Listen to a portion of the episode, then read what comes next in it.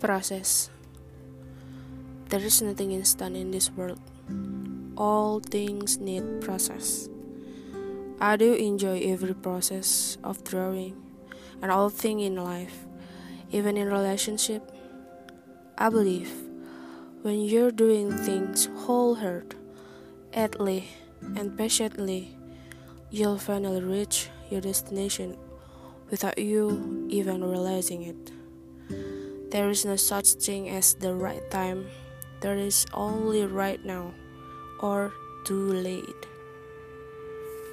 Dalam buku Things and Thoughts I Threw When I Was Bored, karya Naila Ali.